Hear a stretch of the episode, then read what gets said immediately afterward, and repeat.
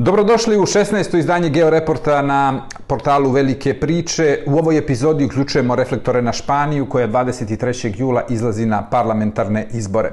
Pre nego što se posvetimo detaljno izbornoj kampanji i mogućim scenarijima, par rečenica o istoriji Španije i kako smo došli tu gde jesmo na Iberijskom poluostrvu.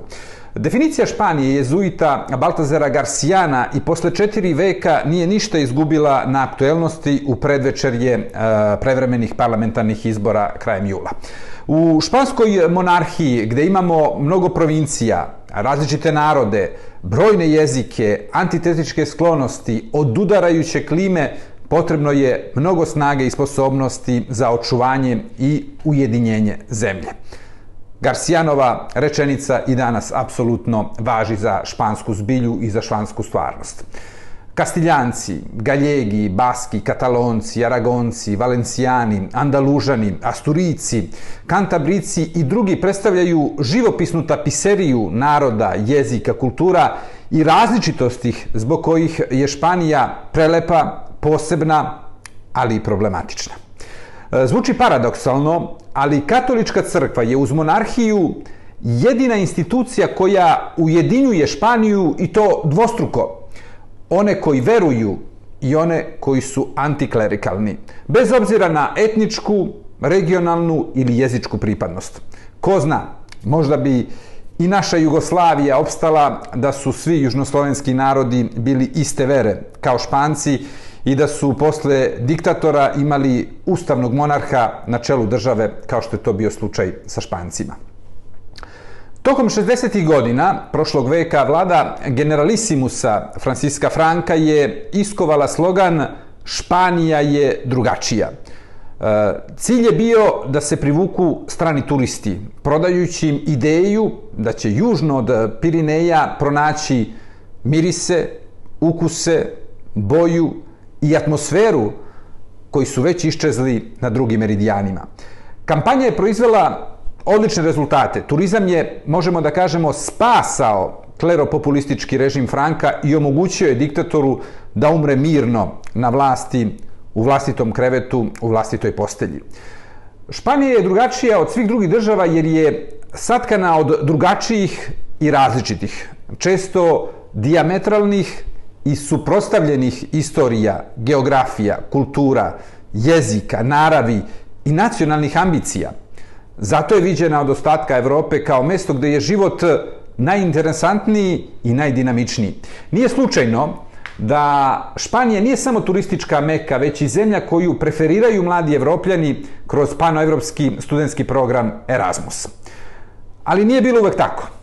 Viševekovna borba sa muslimanima na Iberijskom poluostrvu, poznata kao Rekonkista, transformisala je Španiju u najkatoličkiju zemlju u Evropi. E, to je bila baza na kojoj se razvila takozvana crna legenda o Španiji kao zemlji koja je na vrhuncu svoje moći, a to su pad Granade, otkriće Amerike i uspostavljanje novih kolonija. Umesto progresa, ona je izabrala put religiozne dekadencije. Proterivanje svih muslimana i jevreja sa Berijskog poluostrva, svirepo ubijanje čak i onih koji su se pokrstili, surovo tretiranje domicilnih naroda u kolonijama kao i inkvizicija, proganjanje slobodomnih ljudi, gušenje svih naučnih disciplina, tiranija, tiranije kao oblik vladavine u sadejstvu sa verskim fanatizmom i primitivizmom kao poželjne osobine su okovale duh i biće vitalnog i tendencionalno veselog naroda kakav su Španci. E, pretpostavlja se da je negativni narativ o dekadenciji Španije krenuo iz renesansne Italije, jer su Španci u dobroj meri uspeli da pokore delove Italije, kako na severu, tako i gotovo ceo južni deo Italije koji je bio pod kontrolom španske krune direktno ili indirektno. E, posle njih eh, na to se nadovezala engleska propaganda, jer su oni iz oportunih razloga širili tu priču, širili crnu legendu o Španiji, budući da je Španija bila glavni eh, konkurent eh, Engleskoj na morima i okeanima. Zatim su francuski prosvetitelji perfekcionisali, možemo da kažemo, tu legendu iz ideoloških eh, razloga, jer su je uzimali kao primer dekadentnosti klerikalnih, zatvorenih i retrogradnih država naspram onih koje su prosvećene. Takav imidž e, je pratio Španiju sve do Napoleonove invazije početkom 19. veka, kada iberijski narodi pružaju jedinstven i neočekivani otpor francuskim okupacionim trupama i e, menjaju iz korena percepciju ostatka kontinenta prema Iberijskom poluostrvu.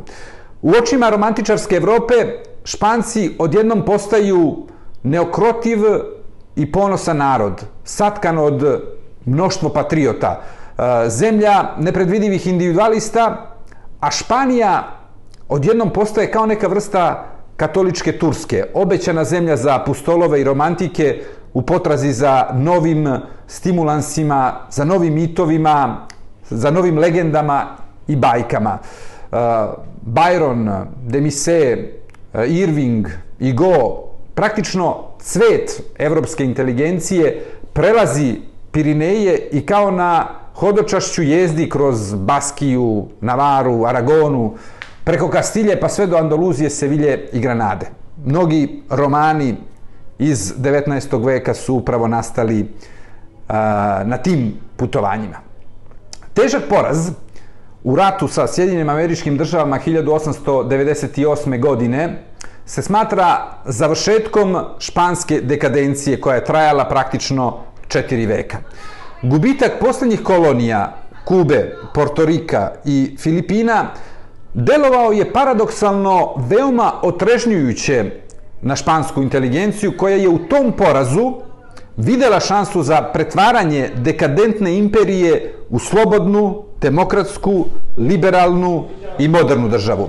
Tako su se formirale dve struje koje sve do danas oblikuju i utiču na špansku političku svakodnevicu. Na jednoj strani, oni koji hoće da evropeizuju Španiju, realizujući ponekad i revolucionarne reforme, gradeći laičko i demokratsko društvo u kojem crkva nema više monopol na obrazovanje mladih generacija. Na drugoj strani imamo klerokonzervativce sa idejom o istorijskoj misiji nastavljanja tradicije katoličkih kraljeva i odbrani takozvanih tradicionalnih vrednosti katoličanstva i što je najvažnije, unitarne države. Tokom 20. veka napomenute osnove dve suprostavljenje Španije su se nakalemile sve ostale podele i ideologije koje je proizveo prethodni vek. Monarhisti protiv republikanaca, desnica protiv levice, u svim svojim formama uključujući i najekstremniju fašisti protiv komunista, klerikalci protiv antiklerikalaca, nacionalisti, unitaristi protiv regionalnih nacionalista i separatista. Kada se sve prethodno rečeno uzme u obzir, postaje jasno zašto je građanski rat u Španiji bio neizbežan. Uh, zašto je također bila neizbežna i Frankova diktatura kao posljedica? Zašto je ona bila surova kao i zašto je španska demokratija na permanentnom ispitu, nekada iz ideoloških razloga, a nekada iz secesionističkih. Krenimo sada na izbore i da pokušamo da objasnimo značaj e, izbora u Španiji u evropskom miljevu. U izbornu kampanju, dakle, ulazimo uh, sa tvrdom podelom između katoličkih, populističkih i unistarističkih desničara, pojačanih ekstremnom desnicom oličenom u Voksu i antiklerikalnom evropskom reformističkom levicom pojačanom sa bivšim komunistima i podemosivcima, feministima, feministkinjama naravno i borcima za prava LGBTQ zajednice. Glas građana Španije na predstojećim parlamentarnim izborima može više da utiče na sudbinu Evropske unije i odnos unutar snaga same unije nego izbori za Evropski parlament sljedeće godine. Uprkos svim problemima, narodnjaci, socijalisti, liberali, zeleni i druge proevropske stranke će imati ipak na kraju potrebnu većinu da nadglasaju suverenističku i ekstremnu desnicu i radikalnu levicu u novom sazivu Evropskog parlamenta i da izaberu dakle, institucije koje neće mnogo odstrakati od onih prethodnih. U Evropskom savetu i Savetu Evropske unije telima koja su značajnija od Evropskog parlamenta, jer u njima sede predstavnici izvršnih vlasti država članica, eventualno formiranje vlade desnice i ekstremne desnice u Madridu menja ravnotežu unutar same Evropske unije. Ako se dogodi da Evropska, odnosno da e, Evropska levica izgubi, a da desnica i ekstremna desnica pobede, imaćemo u tri od pet najvećih zemalja Evropske unije, dakle Italiji, Poljskoj i Španiji, ekstremnu kleropopulističku i suverenističku desnicu u vlasti. Kada njima dodamo Švedsku, Finsku, Grčku, Bugarsku, Austriju, Mađarsku, Češku, Hrvatsku, Slovačku, sa više ili manje tvrdim desničarskim vladama, kao i mogućnost da suverenistička i populistička desnica se dokopa vlasti i u Holandiji na varednim izborima u toj zemlji, daje se nazreti novi odnos snaga u Evropskoj uniji koji bi bio značajno pomeren ka desnici, da ne kažemo ekstremnoj desnici. Takođe, Nemačka i Francuska bi u tom scenariju bile gotovo okružene s polja i napadnute iznutra. Alternativa za Nemačku napreduje vrtoglavo, dok je pitanje da li će lider demohrišćana Merz održati pakt o političkom sanitarnom kordonu oko alternative za Nemačku u samoj Saveznoj republici nakon sljedećih izbora za Bundestag. U petoj republici na drugoj strani pobeda Marine Le Pen i nacionalnog okupljanja postaje sve realnija i sve izglednija kao mogućnost. Po čemu su posebni ovi izbori u Španiji? Nikada parlamentarni izbori nisu bili u sred leta na Iberijskom poluostrvu. Premijer Pedro Sanchez je čovjek koji voli rizike. Uživa da pravi presedane. Povlači poteze i to mu je jedna od specijalnosti koje niko ili su samo malobrojni uradili pre njega. Raspisivanje parlamentarnih izbora u julu je kalkulisani rizik političkog akrobate na čelu španskih socijalista, jer Sanchez je pokazao da je zaista politički akrobata prvog reda.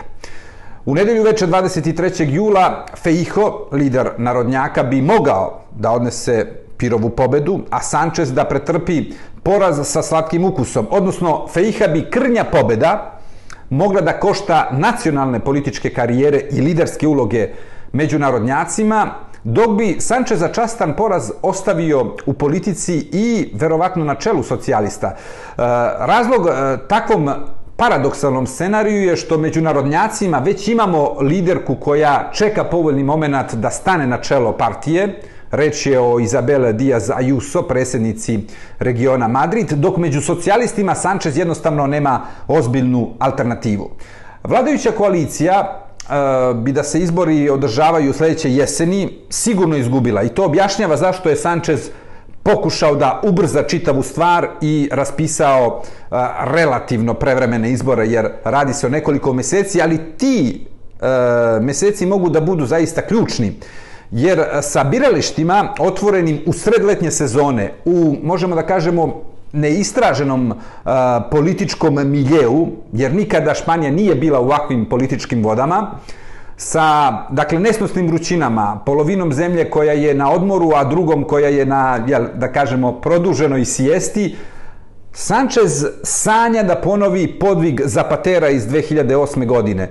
Naime, pre 15 godina e, Zapatero je raspisivanjem izbora mjesec i po dana pre roka uspeo da mobiliše glasače levice na platformi takozvanog taktičkog glasanja protiv dolaska narodnjaka na vlast i u tome je uspeo. Upravo tim putem želi da ide i Sanchez. Šta kažu ispitivanja javnog mnjenja? Sve ankete daju narodnjake e, u prednosti nad socijalistima, dok je i dalje poprilično neizvesno e, da li će narodnjaci i ekstremna desnica e, imati apsolutnu većinu u parlamentu.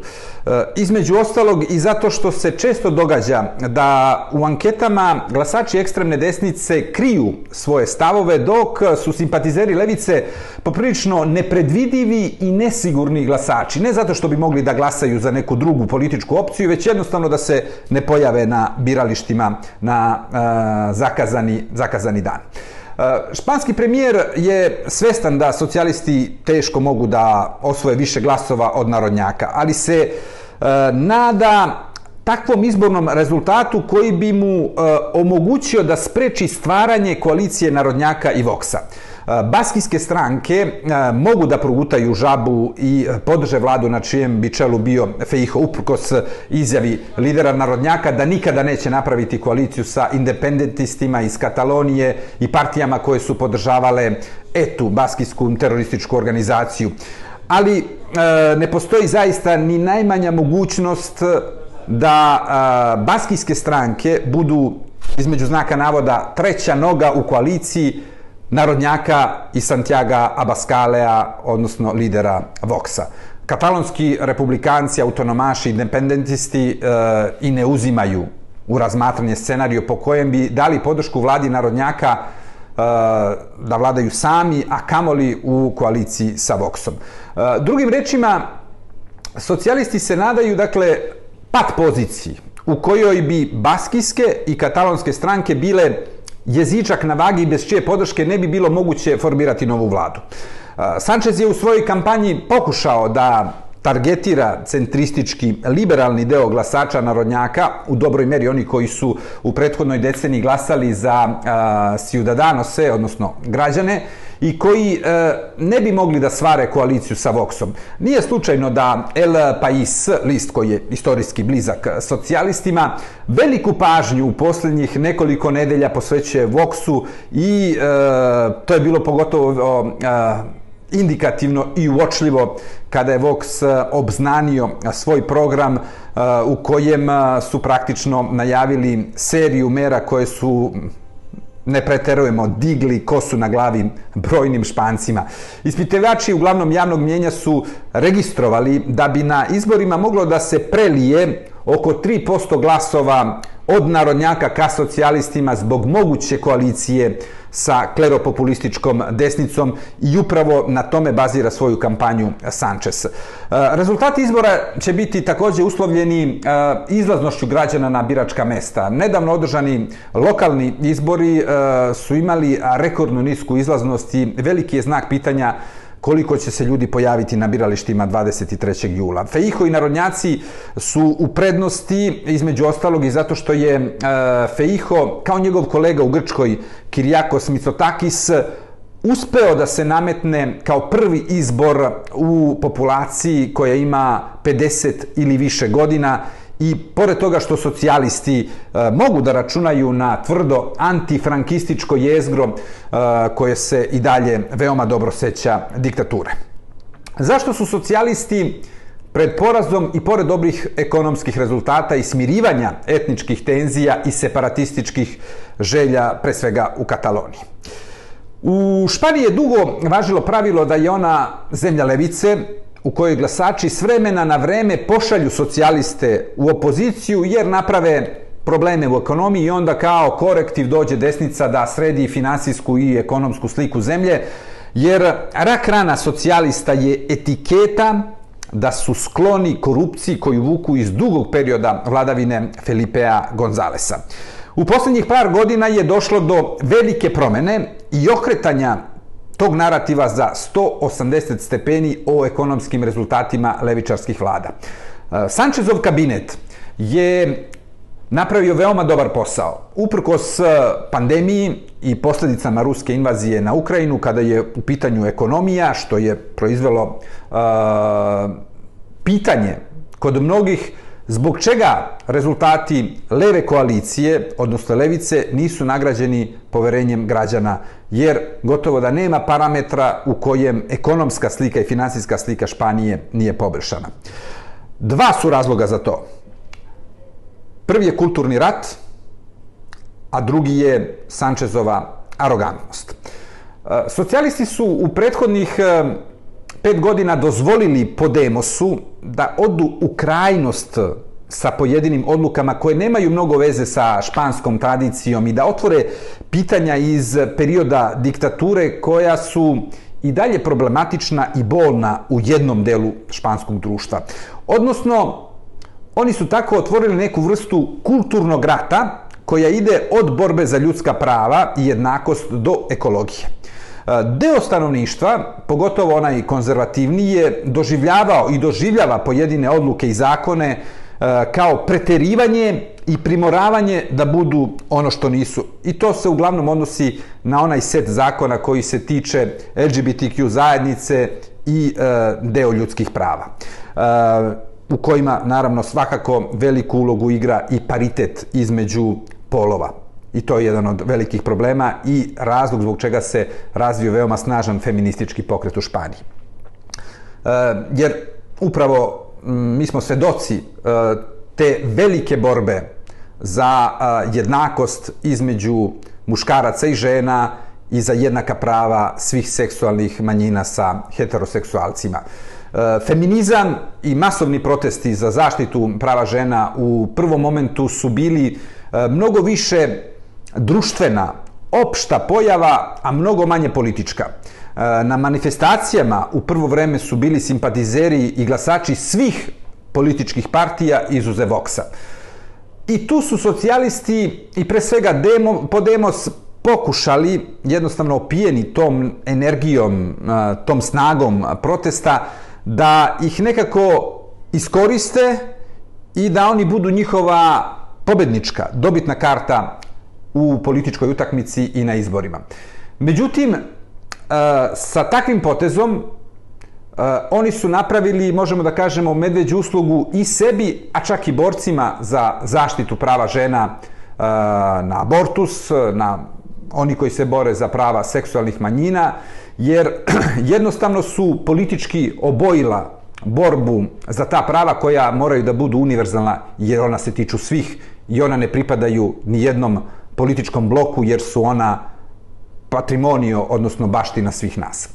Usvojen zakon koji je ušao u javni prostor sa definicijom samo da znači da, kako bi se preventivno delovalo protiv silovanja žena i pružila zaštita žrtvama tog teškog krivičnog dela, proizvela je brojne polemike, reakcije i osporavanja. Počevo toga da je sa nesretnim rešenjima u samom zakonu e, stvorena pravna osnova da e, već oni koji su bili osuđeni na duže kazne zatvora, silovatelji, budu e, u poziciji da iskoriste, dakle, te rupe u zakonu da smanje i da skrate e, boravak u zatvorima, odnosno da smanje zatvorske kazne. E, još jedno ratno polje u kulturnom ratu e, između nacionalista, odnosno desnice i levice je ekologija, odnosno takozvana zelena tranzicija. E, nova pravila i zakonska rešenja su proizvela velike probleme običnim ljudima, pogotovo u malim sredinama i poljoprivrednicima, jer nisu svi spremni i nisu svi pripremljeni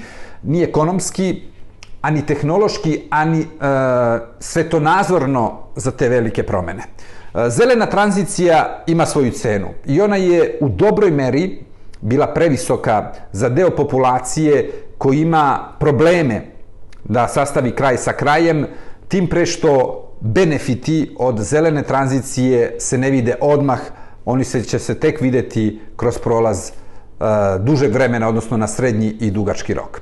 Eh, ekstremna desnica sa eh, negacijom klimatskih promjena pokušava dakle da se akredituje kao zaštitnik običnog čoveka i njegove svakodnevice, odnosno radi se o jednoj, možemo da kažemo, lukavoj politici gde pokušavaju da daju ideologiju ljudima koji su, možemo da kažemo čak i opravdano nezadovoljni jer jednostavno nisu pripremljeni i država nije uradila sve što je neophodno da bi bili spremni za zelenu tranziciju.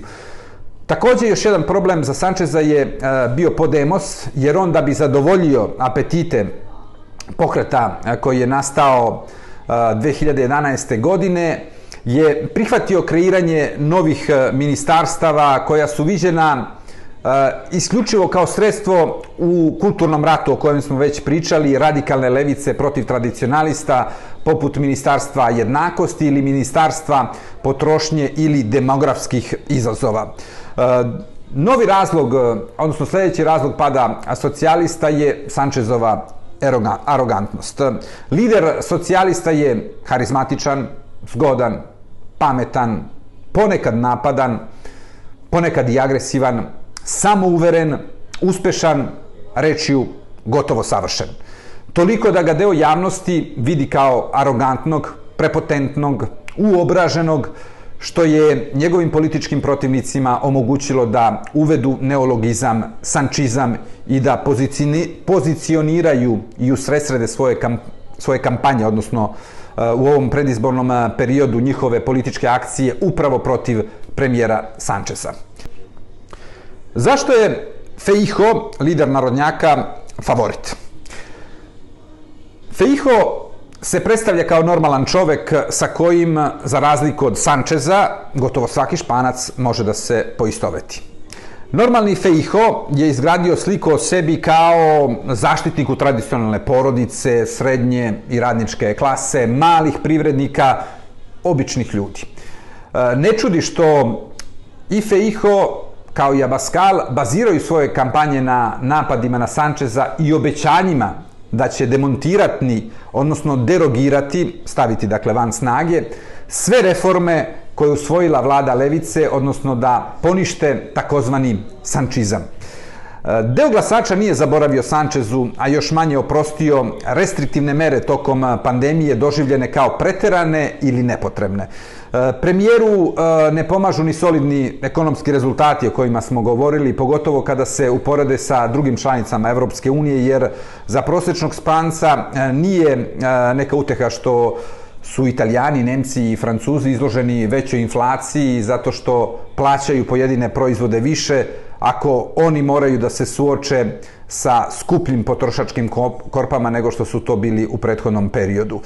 U prilog narodnjacima takođe ide i nestanak eh, građana, eh, političke eh, partije. Na prethodnim izborima na desnici smo imali dakle tri političke grupacije koje su kidisale ili se borile za isto biračko telo, sada su ostale samo dve opcije, tradicionalisti i ekstremisti i imajući u vidu izborni sistem u Španiji, to je vratilo narodnjake u veoma povoljnu poziciju da osvoje najviši Eh, najveći broj parlamentarnih mandata na izborima koji nas čekaju 23. jula. Na ruku Feiha ide i činjenica da on pripada starijoj generaciji političara i da zbog toga ga ne vidi kao opasnost za svoje ambicije Izabel Ayuso, predsjednica autonomne zajednice Madrid.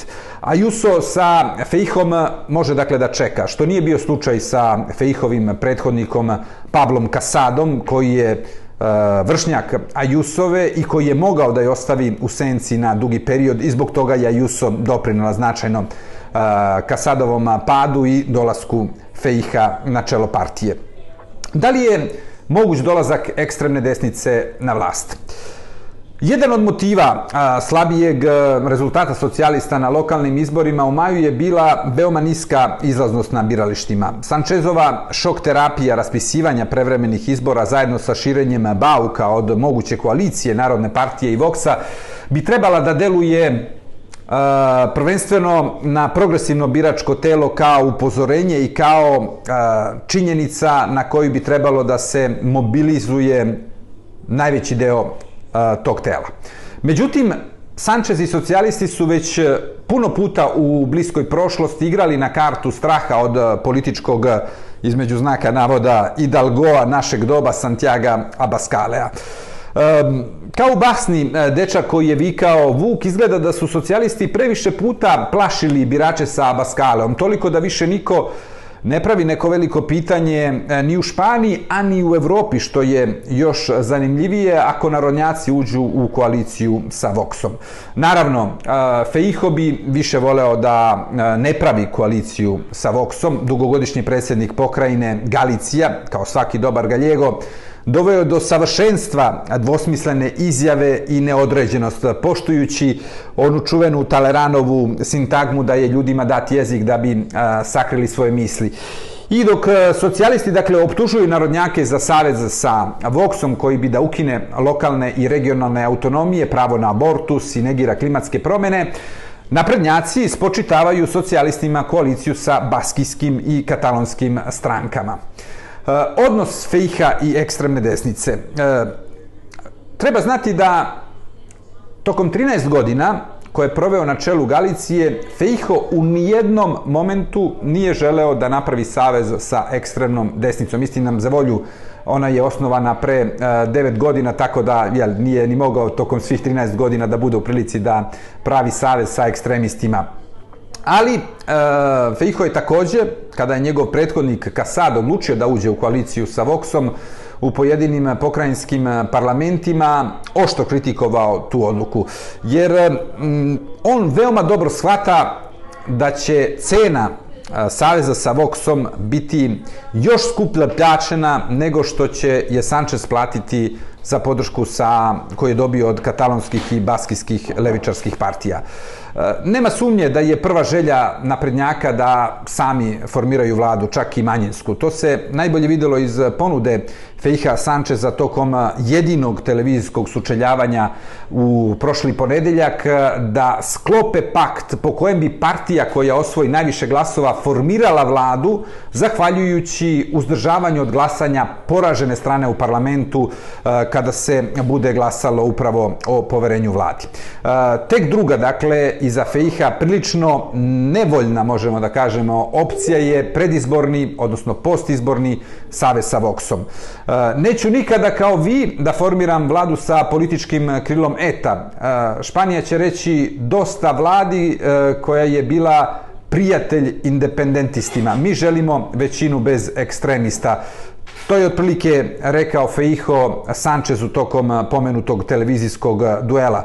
E, ti stavovi bi trebalo više naravno da zabrinu Vox nego socijaliste i nije čudo da je Santiago Abascal veoma brzo, još iste večeri, na društvenim mrežama objavio, odnosno poslao poruku Feihu e, da ako već e, nudi pakt Sančezu, da je to jasan znak da on želi da izbegne pakt eh, sa Voxom.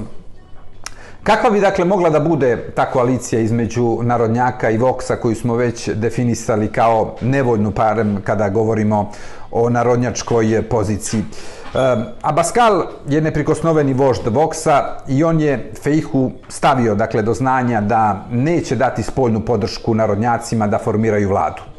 Eh, jednostavno, oni pretenduju da budu u vladi. Kao što su na kraju krajeva ušli na, de, u desetine pokrajinskih lokalnih eh, parlamenta posle poslednjih lokalnih izbora u Španiji. E, Abascal je kako bih rekao, malo mm, viđen i e, rivalski unutar Narodne stranke, jer podsjetimo, Abascal je 20 godina bio član i funkcioner Narodne partije pre nego što je osnovao svoju ekstremističku partiju, odnosno pre nego što je stao na čelo e, ekstremne e, desnice. E, vrlo je moguće da narodnjaci daju neku vrstu mandata Voxu koja bi mogla da se definiše kao neka vrsta kontra kulturnog rata koju je vodio Podemos u prethodnom parlamentarnom sazivu, odnosno da Vox na desnici bude ono što je Podemos bio na levici e, za socijaliste. Obrisi takvog scenarija se već e, vide u gradovima gde su narodnjaci i voksovci formirali vlast u prethodnih nekoliko nedelja e, i to na veoma direktan način. Zabranjuju se filmovi i predstave sa homoseksualnom tematikom ili poljubcima između osoba istog pola, skidaju se zastave duginih boja, ukidaju se kancelarije za ravnopravnost, e, praktično se poništava sve ono što je bilo, možemo da kažemo, dostignuće u borbi za e, prava žena, za prava seksualnih manjina i uopšte za jednakost i ravnopravnost. E, u vrhu Narodne stranke smatraju da ako već moraju da uđu u koaliciju sa Voxom, da bi onda najbolje bilo koristiti ih dakle kao neku vrstu antipodemosa, ali samo za unutrašnje svrhe. Od važnih ministarstava Vox može da dobije samo odbranu, jer vojna elita u Španiji preferira ljude sa desničarskim idejama na čelu ministarstva. Budući da je odbrambena politika već trasirana, da je Španija unutar NATO-a, kogod je ministar se mnogo više bavi logistikom, servisnim delatnostima, da tako kažemo, kako će se vojska obući, šta će jesti i tako dalje, nego što se bavi visokom politikom. Tako da bi na taj način sa imenovanjem ministra iz redova Voksa na čelu ministarstva odbrane, možemo da kažemo, bili i Vuci City i Jagnjad na broju. Šta i ko bi mogao da bude Sančezov džoker u rukavu na izborima? Sanchez je sa iznenadnim raspisivanjem izbora i veoma kratkim rokom za izbornu kampanju primorao radikalnu i populističku levicu da se e, ujedini oko ministarke rada Jolande Dijas. E, taj potez je bio veoma važan da bi se izbjegla kolateralna šteta od takozvanog e, od takozvanih prosutih glasova na partije koje ili ne mogu da pređu izborni prag ili da samostalno osvoje više E, skupštinskih mandata budući da e, izborni sistem u Španiji je takav da e, daje mnogo veće premije i više nagrađuje stranke koje osvoje više od 10% glasova. Povećanje minimalne plate za trećinu i niz drugih poteza u korist mladih i najugroženijih delova društva su bili među najvažnijim potezima Sančezove vlade u prethodnih pet godina i gotovo svi su nosili pečat podpredsjednice Jolande Dijas. Praktično, sve dobre stvari u ekonomskom smislu sa levičarskim predznakom je uradila Dijas. E, zbog toga je ona uspela, možemo da kažemo čak i maestralno, da ispostuje kompromis između velikih poslodavaca, sindikata i radnika o povećanju zarade i to bez velike medijske halabuke, zbog čega je postala veoma popularna. U Madridu se šale da je Diaz vodila politiku za odrasle, a da je Podemos vodio politiku za decu ili adolescente. Rezultat je da je novi pokret praktično progutao stranku Pabla Iglesiasa, koja će, kao i Ciudadanos, verovatno vrlo brzo nestati sa političke scene. Šansa Sančeza, dakle, da ostane premijer, u dobroj meri zavisi od rezultata Sumara, koji je po istraživanjima javnog mnjenja na putu da povrati sve glasove koje je imao nekada Podemos. Međutim, upozoravaju eksperti za ispitivanje e, javnog mnjenja da bi Sumar mogao da prođe lošije od onoga što kažu ankete na izborima, jer je biračko telo sumara najnedisciplinovanije i najmanje verno, odnosno ono koje budi najviše poverenja kada je u pitanju sigurnost izlaska na glasanje. Sumar bi mogao dakle da bude kolateralna šteta datuma izbora, jer njegovu bazu čine uglavnom mladi i ljudi koji nisu tražili mogućnost da glasaju poštom, a u nedelju 23. jula bi mogli da ostanu na plaži. I ne samo oni. I na kraju reč dve o odnosu Španije prema Kosovu i Srbiji. Španski premijer Pedro Sanchez je morao da napravi savez sa regionalnim strankama koje se zalažu za nezavisnost ili veću autonomiju Katalonije i Baskije pre svega, ili republikansko uređenje Španije.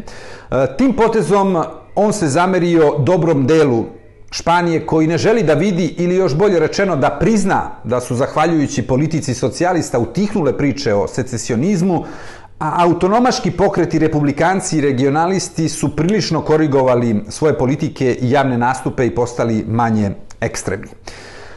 Na početku Sančezovog mandata je bilo nekoliko naznaka da bi Španija eventualno mogla da revidira svoju poziciju prema Kosovu i to pre pandemije, ali je ta prilika propuštena.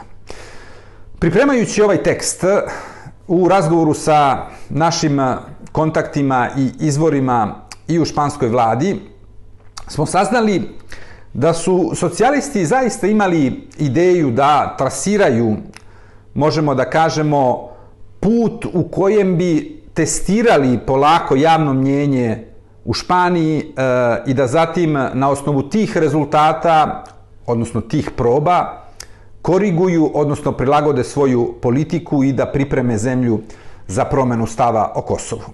Međutim, sve to palo u vodu delimično zbog pandemije, a delimično i zbog promena u samoj Sančezovoj vladi, jer upravo na čelu Ministarstva spoljnih poslova se dogodila promena u kojoj je ministarka koja je bila ekspert za Zapadni Balkan zamenjena sa novim šefom diplomatije koji je i danas na toj funkciji i koji nema takva znanja niti takva interesovanja za naš deo Evrope, odnosno gde se nalaze zemlje bivše Jugoslavije plus Albanija. Istini za volju, Sanchez je pokušao da pomogne svom partijskom saborcu, visokom predstavniku za spoljnu politiku Evropske unije, Josepu Borelju. Posjetimo, Borelj je visoki funkcioner socijalističke partije. I e, Sanchez je imao jedan e, razgovor na e, kongresu socijalista, evropskih socijalista 2021. godine, u kojem je praktično stavio do znanja Albinu Kurtiju i govorimo znači o periodu kada počinje dijalog između Beograda i Prištine, odnosno novi zamah Beograda i Prištine u traženju rešenja za Kosovo pod pokroviteljstvom i pod palicom Borelja i Lajčaka, da bi Madrid mogao da otvori kancelariju za ekonomske veze u Prištini pod uslovom da kosovski premijer doprinese značajnom napretku u dijalogu. Svi smo svedoci kakva je bila uloga Kurtija u posljednje dve godine kada je u pitanju dijalog i zbog čega ta inicijativa Sančesa nije uspela i kako je u stvari Kosovo, zahvaljujući Kurtiju, izgubilo šansu da a, utiče, odnosno da otvori put da Španija u budućnosti promeni stav prema Prištini i eventualno uspostavi nekakve odnose i čak u krajnjem e, ishodu prizna nezavisnost Kosova. E, Sanchez je sa pomenutim e, potezom dakle želeo da testira i reakcije u Kataloniji i ostatku Španije. Međutim, kako dijalog između Beograda i Prištine nije proizveo željene rezultate, odustalo se od tog plana i on je sada potpuno, dakle, skrajnut i više nije uopšte na dnevnom redu i nema ga na horizontu. Paralelno, dubinska ispitivanja javnog mnjenja su pokazala da Špance Kosovo ne interesuje sve dok ne bude povezano sa secesionističkim, e, secesionističkim težnjama španskih regiona. To je bio upravo jedan od razloga zašto je Madrid pokazao tvrđi stav u poslednje vreme i pored toga što je dijalog e, vodi Španac i socijalista Borelj između Beograda i Prištine. Lider narodnjaka Feiho ne zna čak ni gde se nalazi Kosovo i alergičan je na svaku priču o secesionizmu i separatizmu. Katalonija i Baskija su sada mirne, ali je veliko pitanje koliko će ostati mirne ako vlast formiraju narodnjaci i voksovci. Ako se pitanje Katalonije i Baskije ponovo e, zaoštri, Kosovo neće imati šansu da se pojavi na španskoj agendi u skorije vreme. Madrid na spoljnopolitičkom planu mnogo više interesuje da Srbija uđe u Evropsku uniju, zajedno naravno sa ostatkom Zapadnog Balkana, a da onda u tom okviru se reši i pitanje Kosova. I socijalisti i narodnjaci imaju prilično jedinstven, možemo da kažemo, stav oko neophodnosti proširenja Evropske unije na države Zapadnog Balkana, dok oko Ukrajine imaju pojedine zahteve koji moraju prethodno da budu ispunjeni i Španija kao i brojne druge članice Evropske unije, pogotovo one koje se najviše zalažu za ubrzanje evropskih integracija eh, Ukrajine, Poljska recimo, ne žele da trpe negativne ekonomske posljedice od ulaska Kijeva u e, porodicu evropskih naroda. Budući da će sva ta pitanja morati da se rešavaju na nivou cele Evropske unije, perspektiva članstva Ukrajine u Evropskoj uniji nije tako sjajna i neće ići tako brzo kao što se e, misli. Ali u ovom momentu ta vrsta otvorenosti da se za Ukrajinu nešto uradi i da joj se otvore vrata e, Evropske unije može da bude iskorišćeno za novi zamajac e, evropskih integracija Zapadnog Balkana i Srbije, ali kao što smo to već govorili u našim prethodnim uh, analizama i u prethodnim georeportima, potrebno je da iz Beograda dođe impuls kojeg nema već godinama. To je bilo sve za ovo izdanje. U sljedećem um, georeportu ćemo se baviti NATO-om, kakva budućnost čeka NATO, da li će NATO ostati samo euroatlantska organizacija ili će se proširiti i na Aziju, što je jedna od noćnih mora Pekinga. Do sljedećeg slušanja i do sljedećeg gledanja. Svako dobro.